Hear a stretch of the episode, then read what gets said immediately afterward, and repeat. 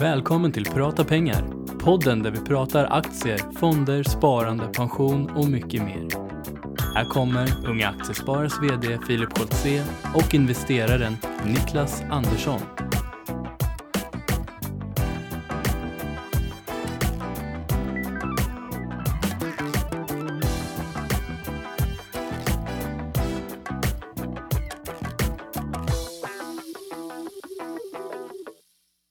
Och välkomna till eh, podden Prata pengar. Och eh, hej Niklas. Hej Filip! Hallå, nu är vi tillbaka. Äntligen! Äntligen. Nu eh, är vi en liten bit in på nyåret här. Jajamän. Hur går det med din träning? Jo men det går bra. Ja. Det går bra. Det, det är så här att jag ska iväg på en, en liten resa och då kommer jag behöva ta mig i kostymen så att jag, Ah, jag okej. är på halster. det är nog av den anledningen som det går bra. Inte, Eh, inte helt lätt alltid. Inte helt lätt. Julbordet är, är ganska mastigt alltså. Ja, Mm. där måste jag säga, det här tror jag att jag sa för ett antal avsnitt sedan, men vet ni hur många skumbjörnar som Cloetta sålde 2015? Skumbjörnar! Du säger- Skumtomtarna. Skumtomtar. Jag var ju faktiskt, vi, vi var ju tillsammans och träffade Cloetta i, eh, i höstas. Mm. Med Unga Aktiesparare. Mm. Och eh, då tror jag han berättade. Att, men jag jag har för mig att det var i ton. Men du Mm. kanske har ett antal också? Ja, Okej. För det kom ut senare. Det, det kom ut i slutet på året. 256 miljoner skumtomtar. Åh herregud. Och de slog ju faktiskt ett rekord.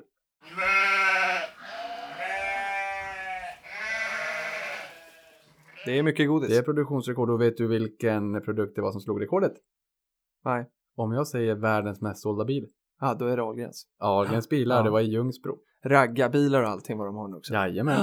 Kul!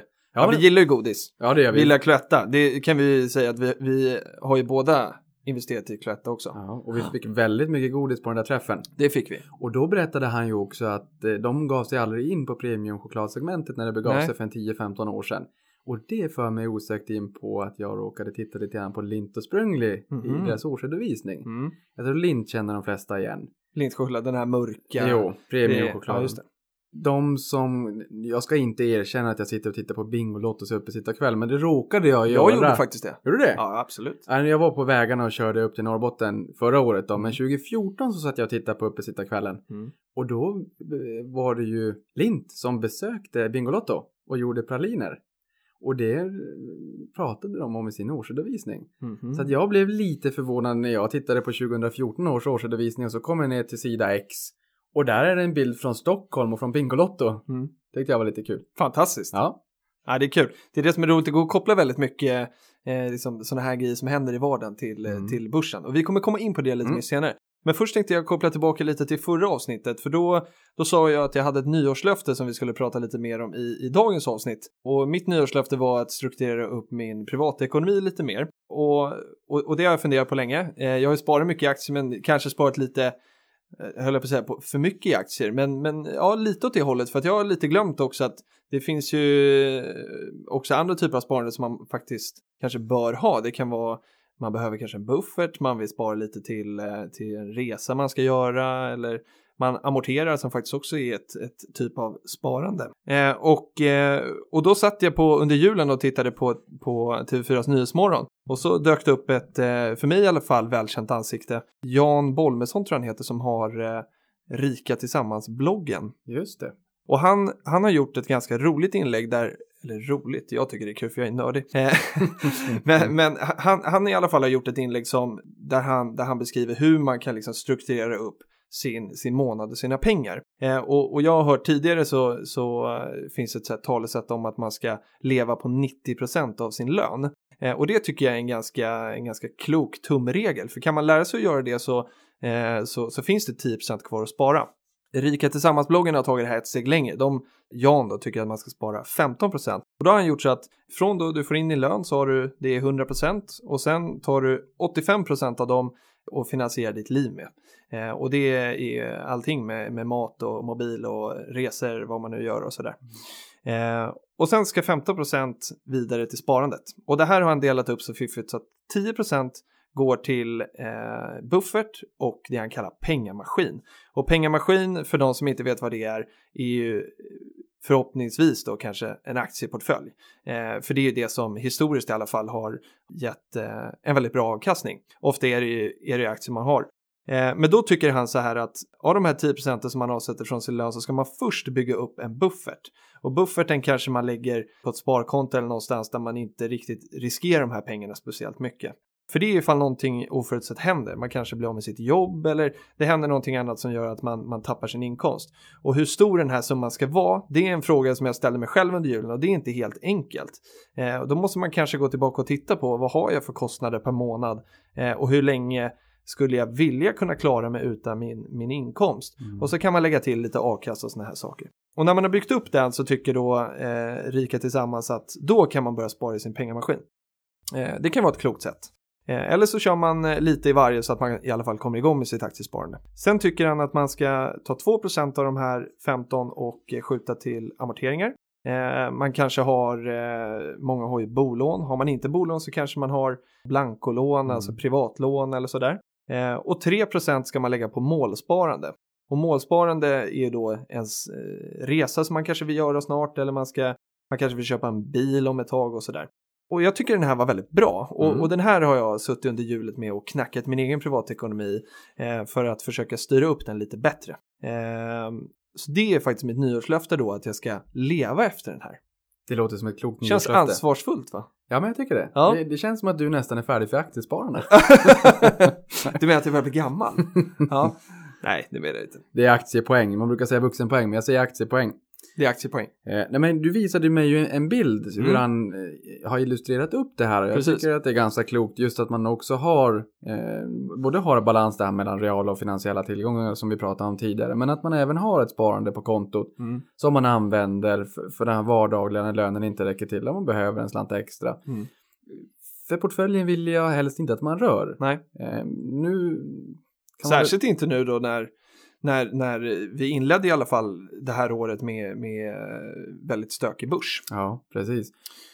Och där är det ju väldigt tråkigt för de som kanske får lite kalla fötter och tar ut pengarna. För det kan bli ett ganska dåligt beslut över tid. Mm. Eh, I förhållande till om man hade faktiskt låtit de här stå kvar. Mm. För tänk dig, jag hade en kollega en gång eh, på bankkontoret som tog ut 10 000 kronor eh, när han skulle åka till Schweiz och åka skidor. Mm. Nu tror säkert både du och de flesta att det här är fingerat, eh, det här exemplet i och med att det är 10 000 kro- kronor jag har pratat om i H&M tidigare. Ja, det. Men- Men det var ungefär den slanten faktiskt och ungefär den tidsepoken också, eller tidsperioden. Mm.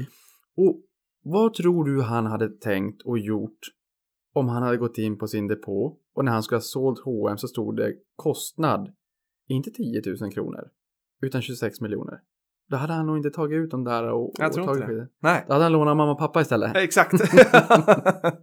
Nej men just att man låter portföljen Man ska våga vara långsiktig. Våga vara långsiktig och ha en buffert på sparkonto som man använder när man behöver sådär. För portföljen ska man inte röra. Nej, och, och, och, och det, där, det där är ganska mycket psykologi också. Eh, för det är det som jag tycker är intressant med, med att liksom strukturera upp sitt sparande på det här sättet eller sin, hela sin privatekonomi. För då, och det är Rika Tillsammans-bloggen lite inne på också, att det gäller att sätta upp regler. För om man sätter upp regler så, så kan man liksom minimera det här emotionella och det psykologiska.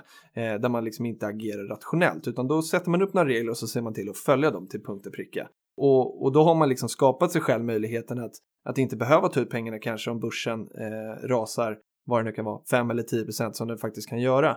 Eller ännu mer om det, är, om det är ett riktigt tråkigt år som vi hade i finanskrisen. Nej men det, det, det där är helt korrekt. Mm. Eh, För jag lever så. Ja. Jag har, Har du regler? Jag har absolut regler som jag följer till punkt och pricka. Ja. Jag har aldrig tagit en utdelning från portföljen. Nej. Ehm, Jag skulle aldrig använda portföljens pengar för eget bruk. Det Nej. är, portföljens pengar är portföljens pengar och inte mina pengar och ska inte sammanblandas med min löpande ekonomi. Nej. Eh, Och det vet jag. Mm. Och därför är det inte jobbigt på samma sätt när börsen tenderar att svänga. Nej. Ehm, I år tog det två dagar att förlora sexsiffrigt belopp. Eh, det, hade förmodligen varit ganska jobbigt om jag inte hade haft de här reglerna som jag stenhårt efterlever och Mm. har gjort i över tio års tid. Mm. Eh, 12 års tid tror jag. Eh, då hade det varit väldigt jobbigt. Men nu blir det inte jobbigt. Nej. Nu tänker jag, jag reflekterar, jag sätter mig ner och funderar vad det är som har hänt. Hur mår börsen? Vad händer runt om i världen? Vilka bolag gynnas? Vilka bolag missgynnas? Och försöker se bortom den här masspsykologin. Mm. Hade jag inte haft pengar på sparkontot och hade jag inte haft de här stenhårda reglerna, Mm. hade jag levt i någon form av finansiell anarki, Mm. då hade jag nog haft väldigt ont i magen. Mm. Mm. det, Ja men det gäller att ha regler för då kan man liksom luta sig tillbaka mot dem. Och jag tycker att den här typen av struktur, man kan använda det som ett, som ett utgångsläge. Och sen kan man ju liksom ändra de där procentsatserna lite som man vill. Och, och, men helst då kanske inte gå under 10%. För, för 10% av, av, av ens lön tycker vi ju ändå är rimligt att spara. Och det blir fantastiskt stora summor över tid. Jag Ja, tror det att det blir blir betydligt mer än vad gemene man tror. Ja, är till och med så här att jag fick reklam hem i brevlådan från Postkodlotteriet. ja, Eh, och där vill jag inte vara med. nej. Tittade jag lite grann på det där, vad det kostar. Och då kostade det 160 kronor i månaden plus 10 kronor, jag tror att det var fakturering eller om det var porto. Någonting där, så att 170 kronor i Mm. månaden. Och då tänkte jag att man lyxar till det där och ökar upp det till 200 kronor i månaden för en, en kille eller tjej som är i 20-årsåldern. Säg 20 då. Och fram till pensionering med en 10% i avkastning. Det var 2 miljoner. Mhm. Nu är det så att den här äh, sparlabbet som jag använder den, den eh, räknar månadsvis och man Just kan det. inte riktigt kanske räkna med att avkastningen kommer så jämnt som månadsvis men det blir väldigt mycket pengar. Mm. Och istället för att vara med i Postkodlotteriet och tro att man ska få en miljonvinst så att lägg undan de pengarna på börsen istället så kommer det nog ganska garanterat säkert över tid. Bra.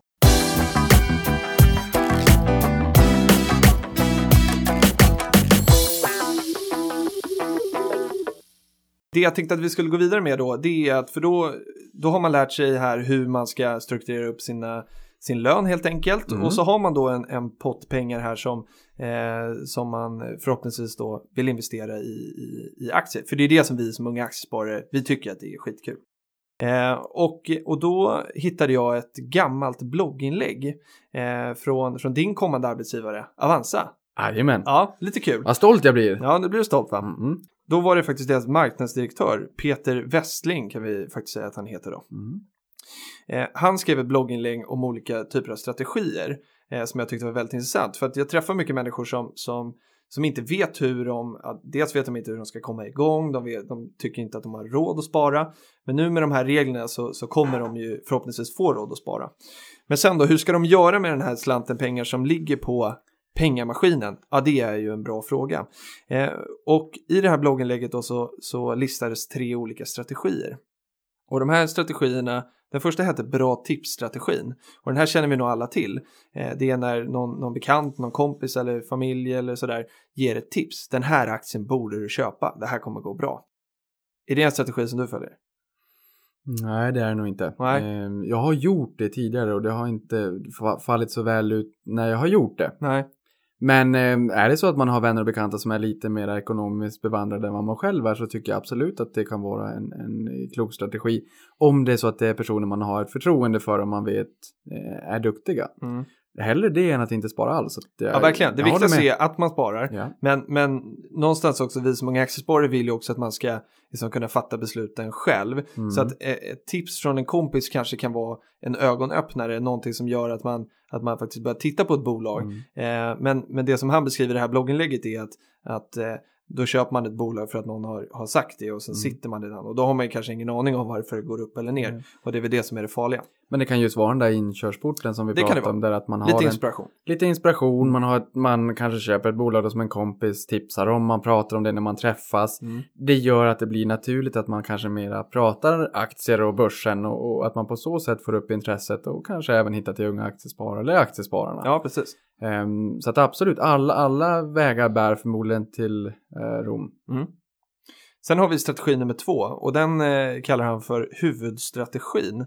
Eh, eller den rationella strategin då. Och den bygger på att man, man gör liksom fundamental och teknisk analys. Eh, och för de som eh, inte känner till de begreppen så fundamental analys så tittar man ju mycket på bolagets räkenskaper. Mm. Eh, hur, eh, hur ser vinsten ut, hur ser balansräkningen ut och kanske inte lika mycket bryr sig om är det här en produkt som jag själv gillar utan, utan mer hur ser siffrorna ut. Jo. jo, för där blir det man snöar in kanske på hur, hur ser tillväxten ut i termer av omsättning, Just det. hur ser rörelsemarginal ut och vinstmarginal, är det ett lönsamt bolag eller inte speciellt lönsamt? På vilka marknader finns de? Och just fundamenta, man tittar på det som går att ta på. Mm. Och, och, och den tekniska då, då tittar man inte alls egentligen på fundament utan då tittar man egentligen bara på hur kursen faktiskt har, har rört sig. Mm. Och, och ofta så använder man ju det i lite kortsiktigare handel men man kan ju också göra det för lite långsiktiga placeringar för att kunna, kunna se trender. Ja, för där blir det lite grann diplomatisk som jag är om man då ska försöka vara snäll mot båda de här, både fundamentala analysen och den tekniska analysen, för där är det ju lite grann två läger. Men vissa kombinerar de här två. Och då kan det ju vara så att just den fundamentala analysen eh, är den analysen man kanske använder för att hitta bolag som man tror på långsiktigt. Mm. Och den tekniska analysen gör att man kanske kan tajma när köper jag den här aktien? När är det tekniskt sett en bra ingångskurs att köpa den här aktien som jag redan har bestämt mig är bra? För i den tekniska analysen så tittar man ju på historiska eh, rörelsemönster på börsen och det blir lite självuppfyllande profetia om folk tror att det finns stöd och motståndsnivåer och huvudskuldraformationer och allt vad det kan tänkas Mm. heta. Det ska jag inte grotta Mycket ner mig i. Men det finns mycket termer Ja. och det är många där ute som faktiskt tror på att när det här, det här eller det här eller någonting då sker, Mm. ja men då är det ju många som sitter och bevakar de här nivåerna. Så i det korta perspektivet kan det nog vara ganska bra att använda den tekniska analysen som ett komplement för att kunna tajma affärerna bättre. Men är man riktigt långsiktig, ja då spelar det inte lika stor roll. Men jag, jag förkastar ingen Nej, av dem. verkligen. Absolut inte Nej. den fundamentala. Det är olika sätt att, att, att agera på helt Ja. enkelt. Eh, och, och det han säger kring den här strategin då, det är att han, han menar på att han inte har ägnat sig speciellt mycket tid åt den här. Eh, och, och hänvisar väl både till sin kunskap tror jag, men också till, till sin tid. För bara när man hör dig prata här nu så, så inser jag att det här är ganska tidskrävande. Mm. Och det kräver ganska mycket kunskap för att förstå vad, liksom, vad, ska jag titta efter? När vet jag att det här nyckeltalet är bra eller att den här eh, kursen, eh, kolla på teknisk analys, är rätt och sådär. Så den kan vara lite krävande. Ja. Den tredje strategin då, och den som jag kände så här, det här är min strategi. Eh, det är den huvudlösa strategin och det låter ju inte helt, det låter ju inte klockrent. Man ska ju alltså inte använda huvudet, utan man använder den emotionella delen av sig. Så den emotionella strategin är det här. Och den bygger då helt enkelt på att man, man använder sin, sin, eh, sin mage och sitt hjärta. Och, och för hans del då så handlade det ganska mycket om att, eh, att hitta bolag som, som han själv skulle vilja liksom, äga. Och inte så mycket utifrån att är det här en bra investering utan ja, men de, här, de här bolagen skulle jag vilja vara en del av. Kanske produkter som man konsumerar själv eller ja, sin arbetsgivare kan det ju också vara. Han, han nämnde Avanza såklart som, han, eh, som är hans arbetsgivare. Och det, och det, är, det är ju helt fine. Och det här är min strategi. Mm. Så här skulle jag säga att jag agerar ganska mycket. Sen blir det här ganska uppdelat. Eh, och det är klart att man kan blanda de här strategierna lite grann. Men jag skulle vilja liksom fråga eh, Mr Investeraren här. Hur, vilka av de här tre strategierna är du närmast? Ja, Det här känns ju livsfarligt att svara på i och med att jag är ju den huvudlöse. Är du huvudlös? Ja, helt och hållet. Hur går det då? Nej, det, det går bra. Eh, det är klart att jag tycker det är roligt att titta på de eh, fundamentala bitarna just när man eh, tittar på bolag och försöker hitta. Mm. Eh, jag sitter ganska ofta och tittar på och letar bolag över hela världen, men ofta så blir det ju Sverige, men, men även och, runt om i världen för att se om, ehm, om gräset är grönare på andra sidan. Men när man Mm. hittar bolag som växer snabbt och under lönsamhet och som kanske har en, en hög avkastning på eget kapital på totalt kapital. Ehm, jag vet inte om vi behöver eh, grotta ner oss i vad termerna betyder. Vi, vi lämnar det där Ja, här. vi kan ta det någon Eh, senare. Men det är kul att hitta och göra en sån här screening som man brukar kalla det för. Man ställer upp ett antal kriterier för vad man då vill ha. Man kanske vill ha en omsättningstillväxt över 10% och man kanske vill ha en vinsttillväxt på 8-9%. Eh, och man kanske vill ha en utdelning på en 3 eller 4% och norrut därutöver och, och, och lite sådär. Och sen kollar man vilka bolag uppfyller de här kriterierna. Och kanske inte bara det, det senaste året utan att man tittar på kanske de senaste fem åren för att se att det faktiskt är en trend och att det inte är en engångsföreteelse. Just det. Och därifrån kan man ta de här bolagen och titta närmare på dem. Och där tar lite grann den här magkänslan över. Mm. Eh, menar, sen kan det ju vara så att jag hittar bolag på magkänsla också, men det jag senare tittar på räkenskaperna, för där, den fundamentala biten låter jag aldrig vara därhän. Nej. Men jag tror att det är just den här huvudlösa eh, strategin som, som tar upp den största tiden. Det ska kännas bra i magen helt Mm. enkelt. Men om, om vi säger då att man, man sitter där hemma nu och så har man så tycker man att det här låter vettigt. Jag ska Eh, jag ska följa de här reglerna, jag ska se till att 10% ungefär går till min pengamaskin. Eh, och, så ska jag, och så tycker man att den här huvudlösa strategin låter ganska, låter ganska vettig. Eh, och så dyker man eh, ner i ett bolag som heter Netflix. Så man kanske samtidigt som man lyssnar på vår podd sitter och scrollar på vilken serie man ska titta på nästa gång på Netflix. Eh, och så inser man att det här är ett börsnoterat bolag. Ska man bara gå in och köpa det bolaget då? Eller, eller behöver man också kolla fundamentan? Ja, men det kan vara vettigt ändå att, kolla fundamenten. Sen kan det vara så här att om man inte riktigt är speciellt intresserad av aktier Ja. så behöver man kanske inte riktigt det. Men jag tror att ju mindre intresserad du är desto viktigare är det att du kanske väljer välkända, stora välkända bolag. Eh, och då kanske också avkastningspotentialen blir lite mindre än om man tar de här allra minsta bolagen. Mm. Men samtidigt om du tar de större bolagen så behöver du inte följa dem på samma sätt som Nej. du behöver eh, när det För det- kommer till de mindre. För det sa du i i den första podden som vi gjorde Mm. så, så sa du lite att det är som ett självspelande piano Ja. när man väljer lite större bolag. Och så kanske det är. Så är det nog förmodligen. Mm. Det- Men sen Netflix, det är ett spännande bolag. Jag har Netflix i min portfölj, Mm. min worldwide-portfölj och jag ser Netflix lite grann som ett högriskinnehav och då kan många där ute kanske skratta åt mig. Eh, Jag tycker det är ett bolag som växer fantastiskt. Tittar du på siffrorna så eh, det ser ut som en dröm. Eh, Och det här är ett bolag som har, nu har jag inte avkastningssiffran framför mig, men det är inte långt upp till 1000% på, eh, på tre år. Nej. Eh, De kom med en ganska rolig nyhet också i början på året. de kom med en fantastisk nyhet. Siffrorna ser hur bra ut som helst.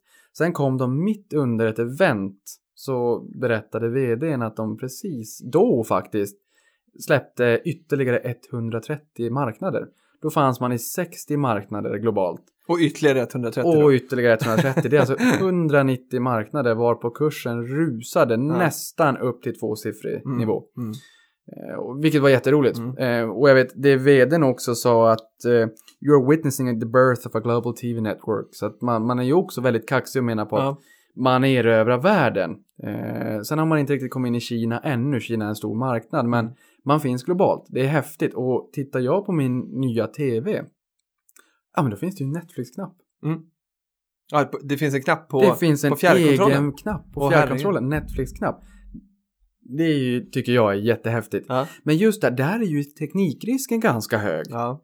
För eh, ny teknik kommer och går. Jag menar VHS-banden fanns, de finns inte idag. Vad är det som säger att Netflix kommer vara den stora giganten imorgon i och med Mm. att tekniken kan ju bli förlegad och obsolet. Mm. Men jag tror och hoppas att de kommer försöka hänga med i teknikutvecklingen och det jag verkligen gillar med Netflix det är ju att de skapar egen content. Mm. Och när jag säger egen content så menar jag ju egna tv-serier, egna filmer börjar de med nu. Jag roade mig själv lite grann och titta på hur många följare de har på Netflix och Mm. då tyckte mina kollegor att jag var knäpp för det var ingen relevans. Men, men jag tittade på hur många följare Netflix Original Series har i förhållande Mhm. till eh, Barack Obama. Ja. POTUS på Twitter, Ja. President of the United States. Ja. Så han har 6 miljoner följare. Ja.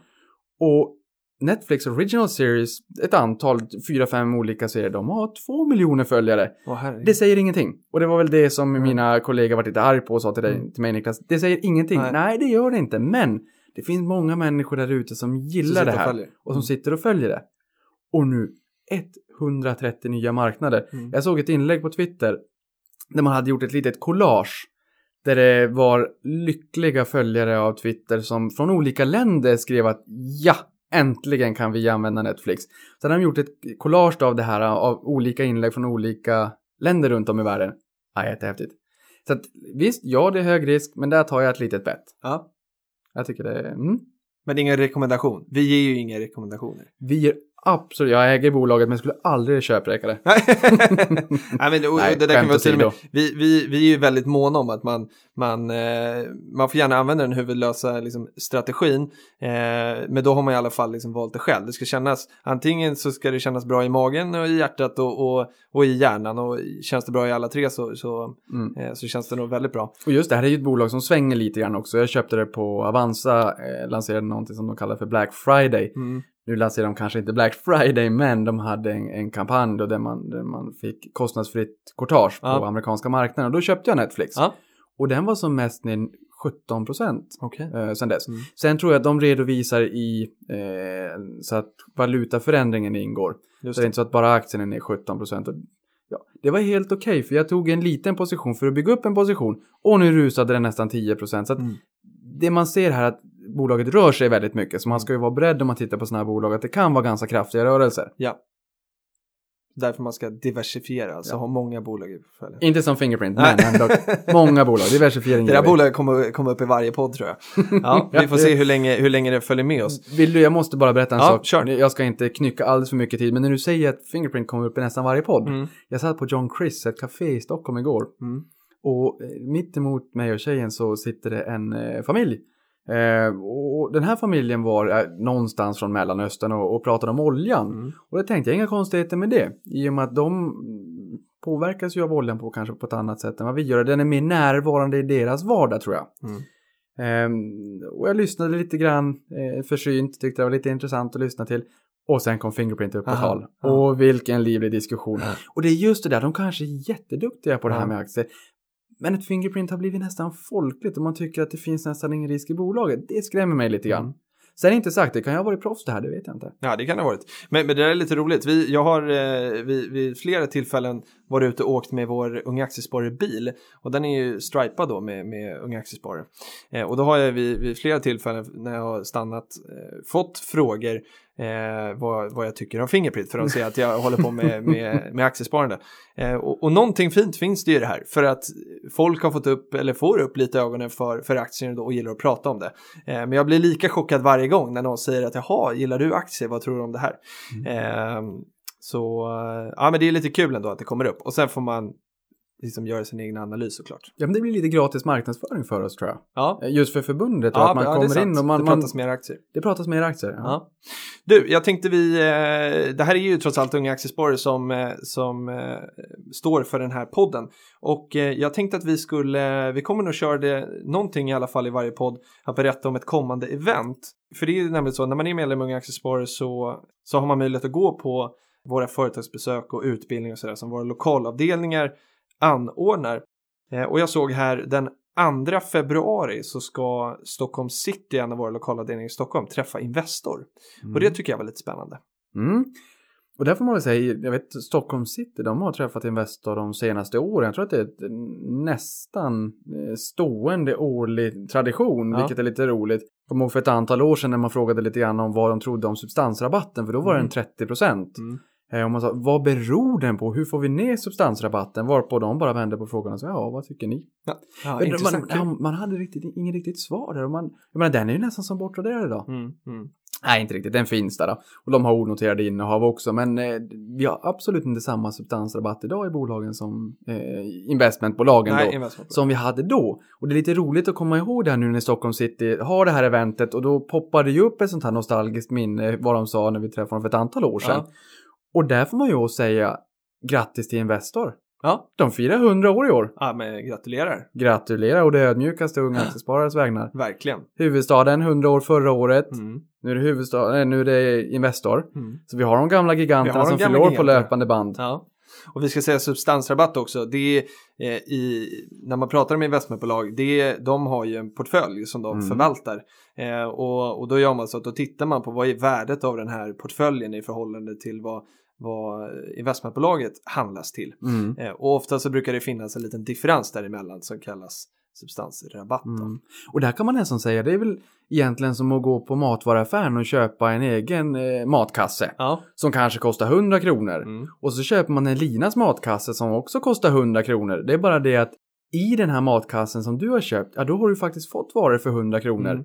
Mm. Men i eh, matkassen som levereras från Linas matkasse, Mm. då betalar du 100 kronor för 105 eller kanske 110 Just det. kronor matvaror. Och ibland kan det vara så att du betalar 100 kronor för 95 eller 90 kronor värde så att säga i, i matvaror. Som gäller för bland Melker Schörling för han har så god renommé så han betalar man lite extra för. Och då eh, tyder det på att man tycker att han är tror- duktig. Ja. Gör ett otroligt bra jobb. Ja. Just Investor, de gör också ett bra jobb men de har haft en liten rabatt historiskt för att man har tyckt att de har eh, det kanske är en maktsfär som försöker skydda Wallenbergen och att det är ett maktintresse snarare än att de gör allting i aktieägarnas intresse.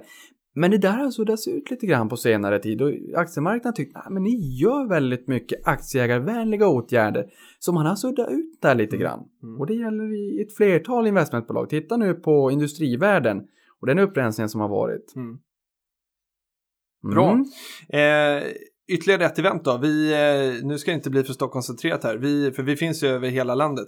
Eh, och, och jag fastnade också lite för Malmö som ska träffa Clas Olsson den 4 februari. Det tror jag kan bli ett spännande event också. Är man inte medlem i Unga Aktiesparare eh, så, så tycker jag man ska bli det. För då får man tillgång att gå på de här eventen Mm. som är väldigt, väldigt roliga.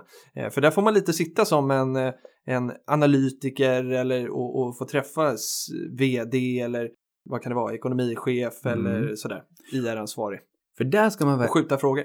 Ja, det ska man verkligen göra. Jag, det är inte sällan jag träffar människor som säger att nej, men jag kan titta på redovisningen på nätet istället. Nej, och gör man det i nio fall av tio så gör de inte det. Nej. Man kommer hit, man träffar ett bolag, man får en magkänsla, man lyssnar till vad de säger, man kan ställa frågor, man lyssnar vad andra frågar, eh, man ser kroppsspråket. Jag tror att det är underskattat att gå på våra aktieträffar. Det tror jag verkligen. Eh, Jag, stora delar av mitt aktieintresse och mitt kunnande har jag byggt upp på Mm. fältet där ute. Mm. Eh, sen inte sagt att jag är jättekunnig, men, men just att det är där jag har byggt upp det. Eh, och man kan få ut mer än vad man tror av det. Verkligen. Och man behöver verkligen inte känna att man ska kunna massor innan man kommer dit. Eh, för där finns det inga dumma frågor utan det är, det är bara att komma dit och ställa alla möjliga frågor. För det uppskattas verkligen från bolagen. Eh, och, och gör man det här också så kan man ju få stöd för, för både den huvudlösa strategin och huvudstrategin. Både att få, få reda på fundamenta men också få Mm. känna den här magkänslan. Är det en bra företrädare som står och presenterar det här bolaget? Och just att tänka på det här också, att den här dumma frågan eh, som man kanske inte vågar ställa, men som man då kanske ändå ställer, Mm. kan vara ganska många i publiken som vill ställa precis samma fråga men inte vågar. Så är det. Så att det finns inga dumma frågor. Ställ dem. Ja. Hellre en för mycket än en för lite. Sist men inte minst, vi ska alldeles strax avrunda, men vi eh, har eh, fått en exklusiv inbjudan av Nordnet faktiskt. De har ju Nordnet Live, en, en spardag kan man säga här i Stockholm. Eh, och kvällen före så, så kommer Alexander Gustafsson som vi har pratat om i förra podden, han som utbildar hos oss. Han kommer köra en, eh, en utbildning på, på plats där Nordnet Live ska vara. Eh, exklusivt för Unga Aktiesparares medlemmar kvällen före och det finns 125 platser. Eh, den här inbjudan kommer gå ut till de i Stockholmsområdet framför allt. Men är man ute i landet och är medlem i Unga Aktiesparare och verkligen vill gå på det här så hör av dig till oss så ska vi se till att du får en plats. Eh, mer information kommer gå ut på, på mejlen. Sist men inte minst då Niklas så, så vill vi pusha lite för Twitter och vi vill pusha för eh, vår hashtag prata pengar, också namnet på, på vår podd. För där är ett flöde som både du och jag finns. Vi älskar ju Twitter och tycker det är kul att skriva och interagera. Och vi vill ha fler som interagerar. Ställer frågor till, till podden eller ställer frågor till oss. Kanske inte för att vi kommer med, med det bästa svaret, men vi kanske kan bolla lite grann och, och eh, eh, hjälpa vederbörande att komma lite närmare ett, eh, ett bra svar. Mm. Och eh, komma vidare i tanken. Och där vill vi ha frågor, för det är roligt. Det är kul. Eh, det, det är kul att få input och andra infallsvinklar och tankesätt som vi kan också få bolla vidare lite Ja. grann. För jag kommer på jättemycket saker och du kommer på jättemycket Verkligen. saker. Men det är kul att få den här andra infallsvinklarna från våra följare. Och så ställ gärna frågor så att vi får lite roligt material att bolla med. Ska vi säga att målet för den här podden under året är att vi ska kunna ha ett helt avsnitt som vi bara, bara fyller med frågor. Det hade varit fantastiskt Då, roligt. då har det varit kul. Det hade varit riktigt Ja. kul. För som sagt, vi kan prata i timmar. Eh, men, men det blir nog ännu roligare om man får in lite andra frågor också. För det är just det där om vi kan få till det så att våra följare också eh, ställer frågor på Twitter så att vi får en riktigt bra dynamik. Då har vi verkligen lyckats. Då har vi fått ett riktigt levande program, en riktigt levande podd. Mm. Vi vill ju se till att det här blir en folksport, en ny folksport En just det här med folksport, sparande. Så att vi vill ju jättegärna att alla där ute ställer frågor och använder hashtaggen prata pengar. Mm. Så är det. Jag blir jättelycklig då. Jag också. Och nu eh, viftar vår eh, eminente klippare och producent Patrik Boström på oss. Han säger nu får ni sluta prata, så det ska vi göra. Eh, ett stort tack till dig Niklas och stort tack till Patrik som, som klipper och har gjort en fantastisk jingle till den här podden. Vi eh, hörs igen nästa vecka. Det gör vi. Sista grejen ska jag bara säga. Ni vet att det stökade till i Kina i början på det här året. Ja, det gjorde det. Eh, Och det stökade till lite grann när Nordkorea var ute och sa att de hade detonerat detonerat en vätebomb. Ja. Där vill jag bara påminna mig att tro inte på allt ni hör och var långsiktig för ni vet väl att de har landat på solen och vunnit varje OS också. Ja, Tack för oss. Ja, tack.